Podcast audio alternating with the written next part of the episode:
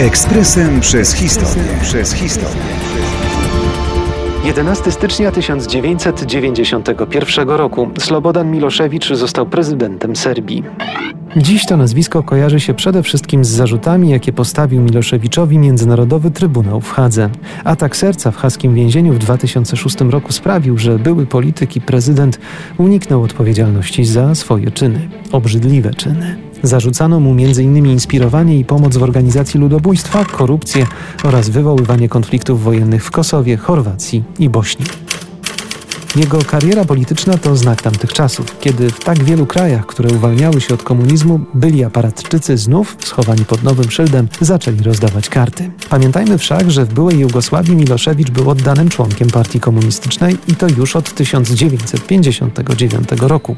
Jego kariera polityczna szybko nabrała tempa w latach 60. Sprawował wówczas wiele prestiżowych funkcji w komunistycznej Jugosławii. Kiedy w roku 89 został prezydentem odrodzonej Serbii, szybko zorientował się, z której strony wieje wiatr zmian i założył partię socjalistyczną o proweniencji nacjonalistycznej. Wspierał mniejszość serbską w pozostałych krajach byłej komunistycznej Jugosławii. Inspirował też czystki etniczne. Społeczność międzynarodowa, choć zmusiła go do podpisania traktatu pokojowego, pozostawała bezradna, jeśli chodzi o jego ciemne, zakulisowe postępki. Z funkcji prezydenta ustąpił jednak pod naciskiem międzynarodowych gremiów, pozostając mimo tego przewodniczącym Socjalistycznej Partii Serbii. Trybunał w Hadze postawił mu aż 66 zarzutów, ale jednocześnie wydając wyrok uznał, że nie ma wystarczających dowodów, by potwierdzić wszystkie z nich.